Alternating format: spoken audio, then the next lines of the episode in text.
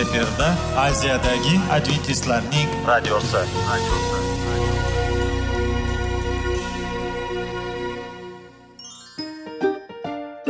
Assalomu alaykum aziz radio tinglovchilar. Sog'liq daqiqasi rubrikasiga xush kelibsiz. Zero tananing sog'lom bo'lishi va uning kasalliklardan saqlash har bir insonning burchi hisoblanadi. Inson uchun bebaho boylik bu sog'liq salomatlikdir. Uni asrash esa har birimizga omonat qilib berilgan. Shuning uchun ham inson o'z sog'lig'ini ehtiyot qilishi voajib amallardan hisoblanadi. Dono xalqimiz sog'liq tuman boylik deb bejiz aytmagan. Aql idroq sohibi bo'lgan inson o'z hayotini qadrlashi lozim bo'ladi. Hozirgi kunda qanchalik dori darmonlar ko'paymasin tibbiy muassa sifati shifokorlar vasiyasi tibbiy texnika yaxshilanmasin. Agar insonning o'z salomatligi haqida qayg'urmasa kutilgan natijaga erishib bo'lmaydi va biz sizlarga bizning dasturimizga xush kelibsiz deymiz.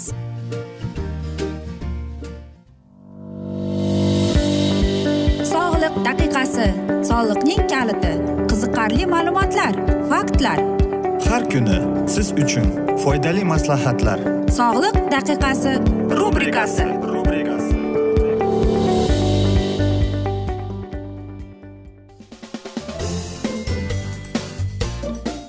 assalomu alaykum aziz radio tinglovchilar. Dasturimizga xush kelibsiz va biz sizlar bilan sog'liq formulasi degan dasturda xushvaqt bo'ling deb aytamiz.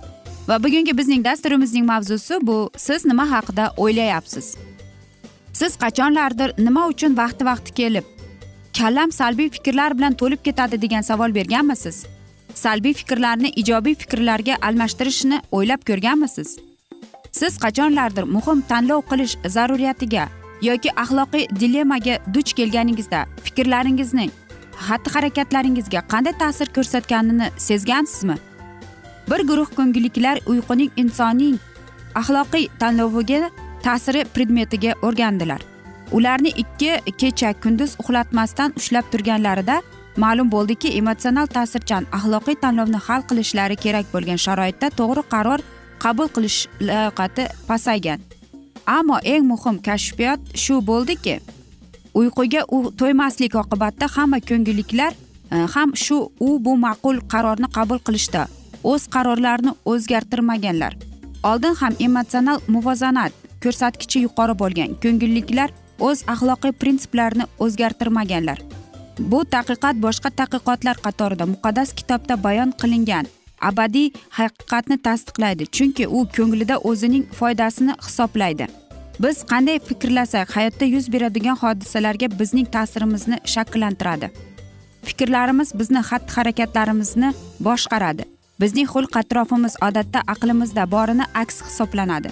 Biz o'z ongimizni ekranda ko'rsatadigan obrazlar ta'siri ostida faoliyat ko'rsatamiz. Biz hayotimizda ko'pincha emotsional buyoqkordor axloqiy dilemmaga duch kelamiz. Biz bunga qanday ta'sir bildiramiz? Bunday holat e, emotsional muvozanat nihoyatda muhim rol o'ynaydi. O'zi savol berishingiz mumkin albatta. Emotsional intellekt nima deb intellekt ostida an'anaviy ravishda biz insoniy aqliy qobiliyatini tushunamiz. Bu qobiliyat iq koeffitsient yordamida baholanadi. Bir ming to'qqiz yuz sakson sakson uchinchi yili psixolog govard garden miya freymi kitobida insonda ko'plab intellektlar e, borligini haqidagi g'oyani aytdi. Intellektni faqat aqliy qobiliyat sifatida baholash o'rniga biz uni sakkizta keyinroq yana bitta qo'shildi tarkibiy qismdan tashkil topgan kompleks sifatida qarashimizga to'g'ri keladi. Naturalistik intellekt musiqaviy intellekt mantiqiy matematik intellekt e, shaxslararo intellekt tana kinestetik intellekt til intellekti ichki shaxsiy intellekt makonga oid intellekt eksistensial intellekt.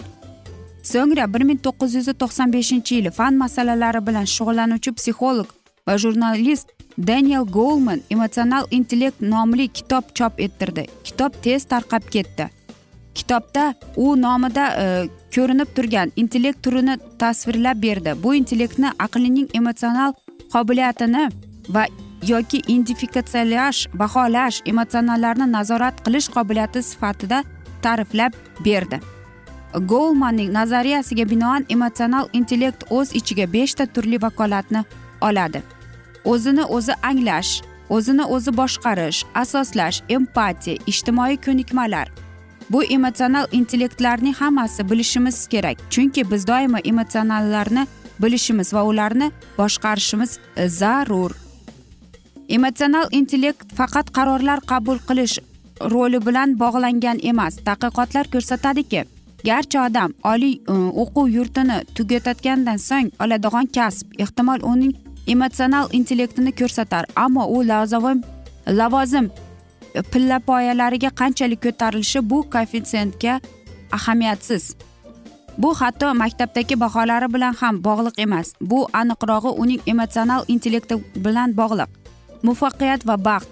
Boshqa har qanday intellekt shakllaridan ko'ra bu ko'rsatkich bilan zich bog'langan. Bir qator ilmiy tadqiqotlarning natijalari ko'rsatdiki yuqori emotsional intellekt xafaqonlik qo'rquv asabiylashish stressga tushish anoreksiya ya'ni bu ishtahaning yo'qolishi bulimiya ovqat iste'mol qilishning buzilishi ichkilikbozlikni bartaraf qilishga yordam beradi. Anonim ichuvchilarning o'n ikki qadam klub dasturi masalan ajoyib natijalarni olib keldi lekin bu dastur emotsional intellekt taraqqiyot dasturi bilan birikganda to'rt baravar ko'proq muvaffaqiyatli chiqadi. Biron muhtojligi yoki xastaligi bo'lmagan odamning hayotida emotsional intellektning ahamiyati to'g'risida nima deb aytishim mumkin? Emotsional intellektning rivoji bo'yicha bunday odamlarga yorqin fikrlash va yanada samarali muloqot qilishga yordam beradi. Bu guruhlarning jipslanishuviga yordam beradi. Ziddiyatli vaziyat xavfini kamaytiradi. Baxtiyorlikni his qilish taraqqiyotiga yordam beradi deydi. Albatta bu aqliy va intellekt haqida dastur. Lekin biz o'zimizning iq intellektimiz qancha bahoda bo'ladi yoki qancha qanday baholasak bo'ladi? Shuni o'ylab ko'rishimiz kerak. Va albatta aziz do'stlar bu yerda eng muhim narsa bo'ldiki inson aqliy ya'ni u hattoki o'zidagi bo'lgan his tuyg'ularni ham boshqarib turishi kerak ekan. Shuning uchun ham aziz do'stlar e, agar sizda imkoniyat bo'lsa mana shu kitobni o'qib ko'rishga tavsiya etamiz va shunda siz o'zingizdagi iq koeffitsientingizni bilib olasiz. Biz esa mana shunday asnoda afsuski bugungi dasturimizni yakunlab qolamiz chunki vaqt birozgina chetlatilgan afsuski lekin keyingi dasturlarda albatta mana shu mavzuni yana o'qib eshittiramiz. Va men o'ylayman hammada savollar tug'ilgan. Agar shunday bo'lsa biz sizlarni salomat klub internet saytimizga taklif qilib qolamiz. Yoki sizlar bizga whatsapp orqali murojaat etishingiz mumkin. E, Plyus bir uch yuz bir yetti yuz oltmish oltmish yetmish. Yana bir bor qaytarib o'taman. Plyus bir uch yuz bir yetti yuz oltmish oltmish yetmish aziz do'stlar. Umid qilamanki bizni tark etmaysiz deb chunki oldinda bundanda qiziq bundanda foydali dastur kutib kelmoqda sizlarni deymiz. Biz esa sizlarga va oilangizga xayrlashar ekanmiz tinchlik totuvlik tilab. O'zingizni va yaqinlaringizni ehtiyot qiling deb xayrlashib qolamiz.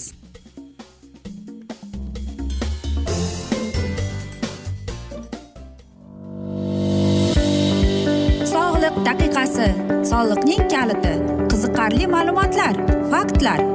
Har kuni siz uchun foydali maslahatlar. Sog'liq daqiqasi rubrikasi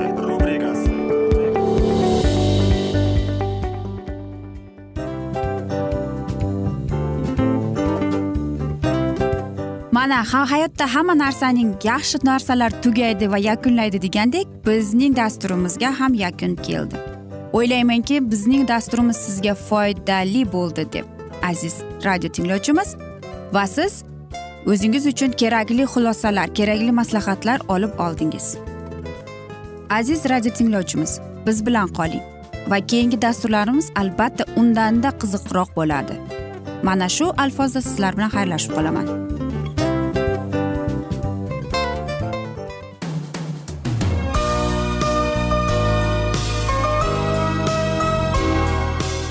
Efirda aziyadagi adventistlarning radiosi.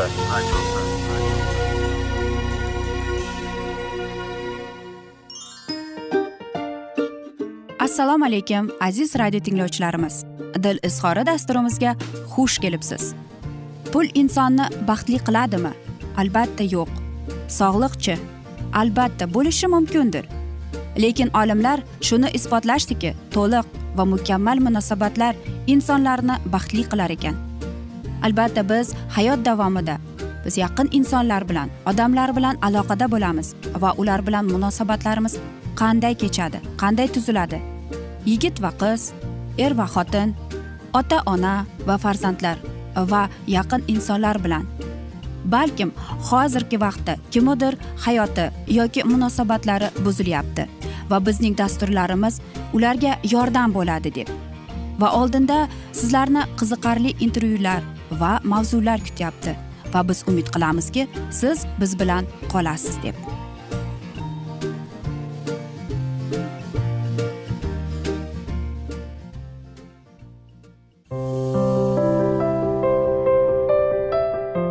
Kuni har xil kasbdagi odamlar bilan sirlashish va bo'lishish sevgi rashq munosabat bularni hammasi dil izhori rubrikasida.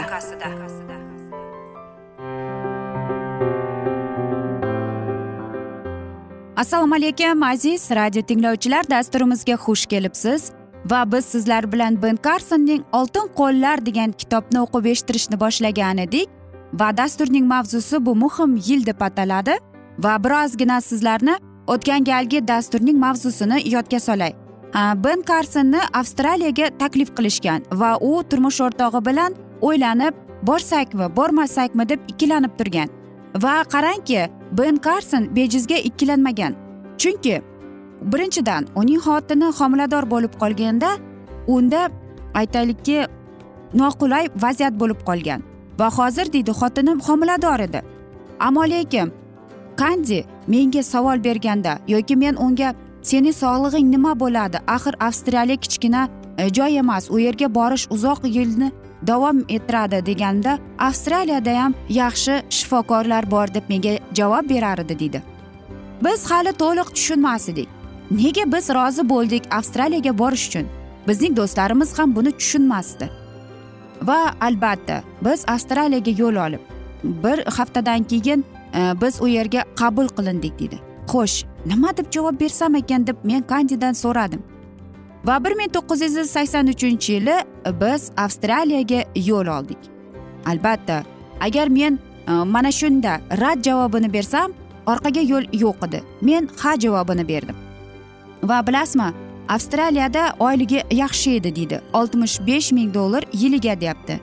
Biz esa pulga judayam muhtoj edik chunki kandi homilador bo'lganligi uchun u ishdan bo'shab sog'lig'iga butun vaqtini ajratib keldi deydi. Va bilasizmi biz o'zimizni qanchalik tinchlantirmaylik o'zimizni qanchalik xotirjam his etmaylik. Baribir bizni e, mana shu bilmaslik bizni nima kutyapti qanday odamlar qanday qilib biz u yerda yashaymiz degan narsalar bizni qiynab kelgan edi. Va bilasizmi hech kimga biz nima bo'layotgani haqida aytmagan edik. Qanchalik kandi mana shunday jasur bo'lmasin axir u homilador edi va bu bizni qayg'uga solar edi. Ammo lekin avstraliyaliklar bizni iliq kutib olishdi. Va biz adventistlarning cherkoviga borganimizda ham bizga ko'plab eshiklarni ochib berishdi deydi birinchi shanbalikda avstraliyada biz cherkovga borganimizda biz pastor bilan suhbat qildik va bir necha keladigan odamlar bilan dedi. Va xizmat paytida e, pastor e'lon qildi. Bugun bizning biz bilan bir oila bor. Ular qo'shma shtatdan kelishgan va ular bu yerda e, bir yil yashashadi deb e'lon qildi. Albatta kandi ikkalamizni hamma bilan tanishtirdi. Ular bizni iliq issiq qilib kutib oldi. Э, mana vazn tugaganda esa hamma bizni o'rab e, so'rab hol ahvol. Ammo lekin kandining homiladorligini ko'rib ayollar o'rnidan so'rab savollar berdi. Biror narsaga muhtoj emasmikin kandi deb? Yoki biz farzandlarimizga biror narsa tayyorladikmi? Agar yo'q bo'lsa biz hammasiga yordam beramiz deb. Albatta aziz do'stlar siz deydi hattoki tasavvur ham qilmaysiz. Cherkovning odamlari qanchalik bizga yordam berdi qanchalik bizni uyimizga mehmonga kelishganda hali tug'ilmagan farzandimizga kimdir bizga beshik olib keldi kimdir kolyaska olib keldi deydi. Va ko'plab odamlar bolalarga hali tug'ilmagan farzandga kiyimlar olib keldi deydi. Va har doim bizni kimdir tushlikka taklif qilardi. Va shifoxonada deydi men hech ham hech kim tushungisi kelmas ediki qanday qilib hali kelganingga ikki hafta ham bo'lgani yo'qku lekin shuncha odam bilan tanishsan deb. Va e, bir ordinator menga aytdi besh oydan beri men shu yerdaman dedi. Va u menga shunday savol berdi. Sen bugun kechqurun nima qilyapsan? deganda men aytdim biz bugun bir oilaga tushlikka boramiz dedi. Va ordinator bilar edi bir necha kun avval uni bir e, oilaga mehmonga borganini. Xo'sh qanday qilib siz shuncha odam bilan tanishyapsizlar? dedi. Siz axir deyapti ikki hafta bo'ldiku xolos kelganingizga deganda biz katta oiladamiz deb men javob berdim. Demak siz aytmoqchisizki avstraliyada sizda qarindoshlaringiz bormi deb savol berdi. Va men tabassum qilib unga tushuntirishga harakat qildim. Biz cherkovdan bo'lamiz va biz hammamiz xudoning oilasidanmiz dedi. Shuning uchun kim mana shu oilaga cherkovga kelganda bir birimizni birodar singari qo'llab quvvatlaymiz dedi. Uning ahamiyati yo'q. Siz qayerdan bo'lishingizni faqatgina bizning birodar singillarimiz qo'llab quvvatlaydi deydi. Axir uning xayoliga ham bu narsalar kelgan emas deydi. Albatta avstraliya menga darrov yoqdi. Nafaqat odamlari balki meni qurshab olgan narsalar deydi. Qanchalik tabiati go'zal qanchalik men o'zimga do'stlar ortdim deydi. Va aytadi hattoki kandi deydi u o'ziga bir urfni topib oldi deydi u yana skripka chalishni o'rgandi deydi albatta bu mening uchun eng quvonchli narsa edi. Chunki men ishga ketayotganimda kandi qanday qilib kunini o'tkazishi haqida o'ylab meni g'amga solardi. Hozir esa turmush o'rtog'im skripkani o'ynab cholganida men bexavotir ketaman deydi albatta aziz do'stlar ben karsonning yana bir marotaba aytib o'tmoqchimanki bejizgina oltin qo'llar deb atalmagan chunki bu hikoyaning davomlari judayam chiroyli. Biz esa mana shunday asnoda afsuski bugungi dasturimizni yakunlab qolamiz chunki vaqt birozgina chetlatilgan lekin keyingi dasturlarda albatta mana shu mavzuni yana o'qib eshittiramiz. Va men umid qilamanki bizni tark etmaysiz deb chunki oldinda bundanda qiziq va foydali dasturlar sizni kutib kelmoqda. Va men o'ylaymanki hammada savollar tug'ilgan. Agar shunday bo'lsa biz sizlar bilan whatsapp orqali suhbat qilishimiz mumkin. Plyus bir uch yuz bir yetti yuz oltmish oltmish yetmish bizning whatsapp raqamimiz. Va biz sizlar bilan xayrlashar ekanmiz. Sizga oilangizga albatta tinchlik totuvlik tilab o'zingizni va yaqinlaringizni ehtiyot qiling deymiz. Va albatta aziz do'stlar eng asosiysi seving seviling deb xayrlashib qolamiz.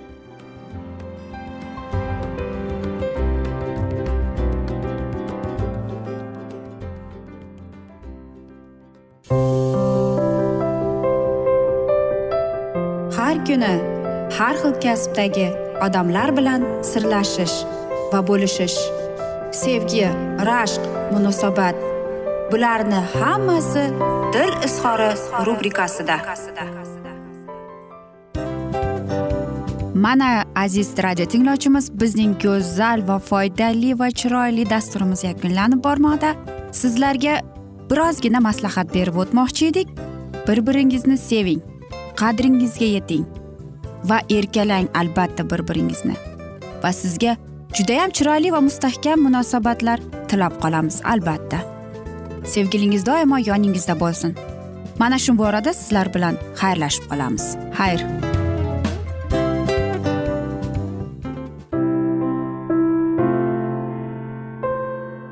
Hayotning noni qiziqtirgan savollar va javoblar. Buning hammasi ko'ngil uchun oziqa rubrikasida.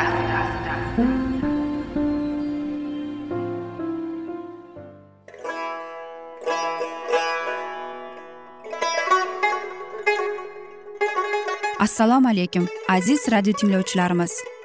Ko'ngil uchun oziqa rubrikasida xush kelibsiz deymiz. Siz haqiqatni izlayapsizmi? Olamnimi umidnimi siz kimga murojaat qilmoqchisiz? Odamlar ko'pincha siyosat kuchiga tayanadilar. Dunyo iqtisodiyoti holati tobora chuqurlashib bormoqda. Tabiiy ofatlar va texnogen halokatlar minglab insonlarning hayotini olib ketib juda katta zarar yetkazmoqda. Sizga abadiy hayot inomini hadya qiluvchi va hayotingizni tubdan o'zgartiruvchi haqiqatni izlab toping. Xudo haqidagi haqiqat uning kalomida mujassamlashgan. Kimki bu haqiqatni butun qalbi bilan izlasa albatta unga yetishadi. Bu sevgi xudoning tarixidir. Hayotingizda yoki sizning yon atrofingizdagi olamda nimalar yuz berishidan qat'iy nazar siz ertagi kunga buyuk umid va ishonch hosil qilishingiz mumkin. Hozirda xudo sizga taklif qilayotgan umid ishonchga o'z qalbingizni oching va sizni qiziqtirayotgan mavzularni savollaringizga javoblaringizni topib olasiz deb umid qilamiz. Biz bilan qoling.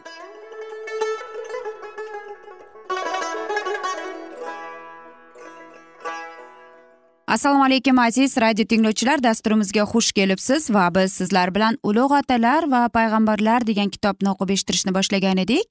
Va bugungi bizning dasturimizning mavzusi g'oyadan suv chiqish deb ataladi va biz sizlar bilan o'tgan galgi mavzuni bugun davom ettiramiz. Agar muso va xorin o'z qalblarida yuksalish ruhini rivojlantirganlarida yoki agar ularning ko'nglida ilohiy ogohlantirishga va ta'na qilishga qarshi achchiqlanish ruhi tug'ilganida ularning aybi yanada og'irroq bo'lardi. Ammo lekin ular atayin qilmay to'satdan kelgan vasvasaga berildilar va darhol samimiy pushaymon bo'ldilar. Xudo ularning tavba qilishlarini tan oldi. Shunga qaramay xalqqa gunohlarning ta'siri salbiy bo'lishi sababli ularga tanbeh bermay qo'ymadi. Unga chiqarilgan hukmni muso pinhon tutmay haloqiylikka haqiqatni bayon etdi.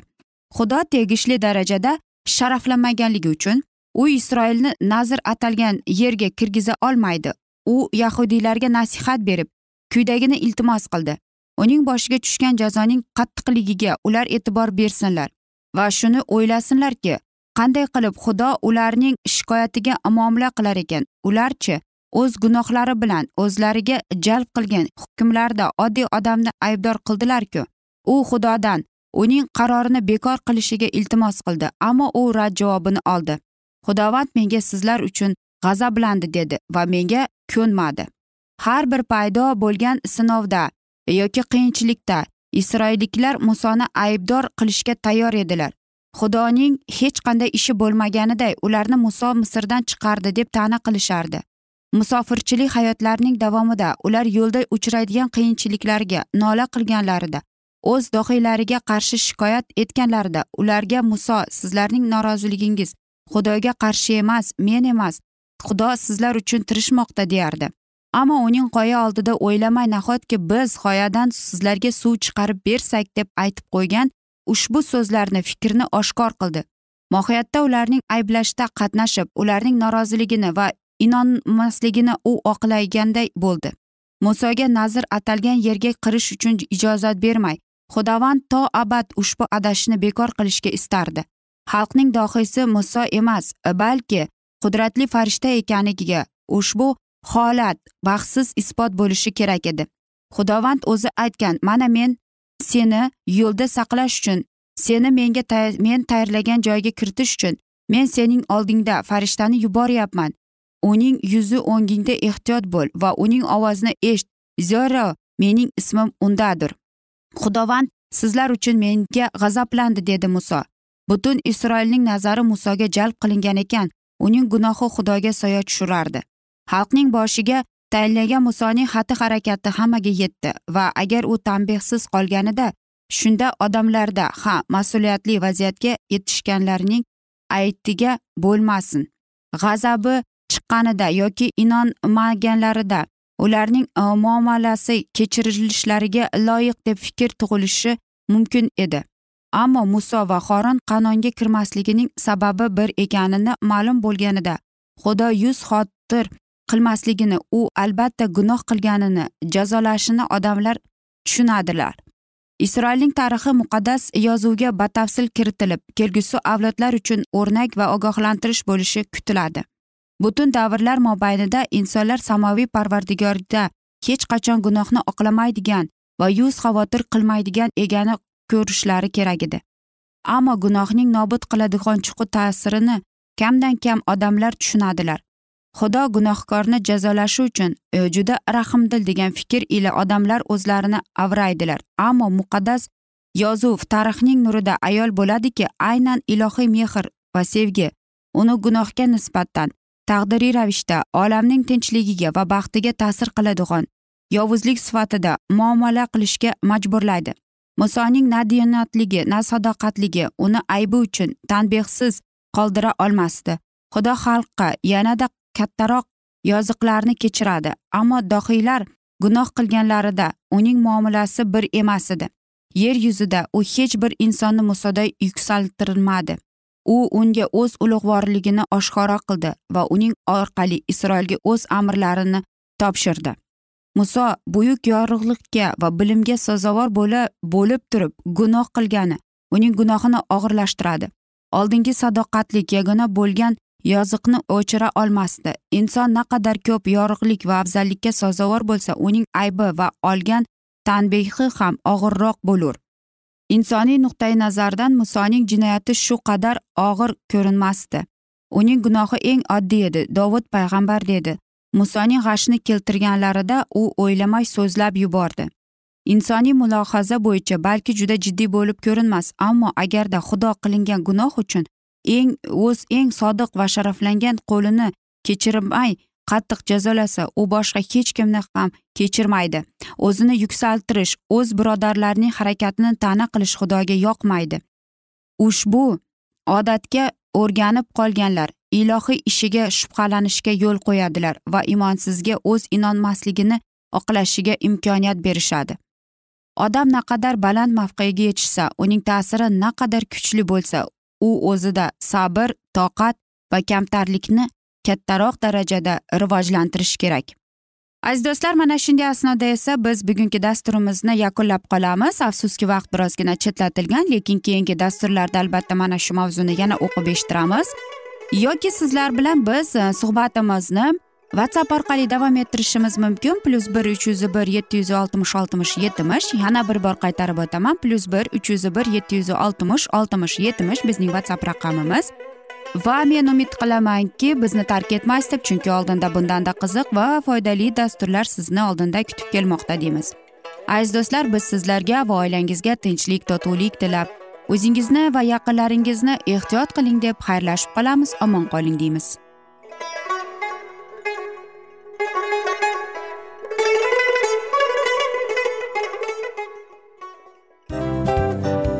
Hamma narsaning yakuni bo'ladi degandek afsuski bizning ham dasturlarimiz yakunlanib qolyapti. Va biz o'ylaymizki bizning dasturimizdan o'zingiz uchun kerakli va foydali maslahatlar olib oldingiz. Sog'liq borasida sizga foydali maslahat berganmiz deb umid qilaman albatta. Va sizlarga mana shu borada sog'liq tilab qolaman.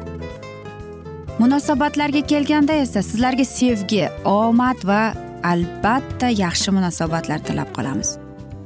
Uchinchisiga kelganda esa bu juda chuqur va e'tiborli nazarni qumsaydi. Va sizlarga mana shu yaxshilik kayfiyatda sizni kayfiyatingizni ko'targan holda sizlar bilan xayrlashib qolaman afsuski.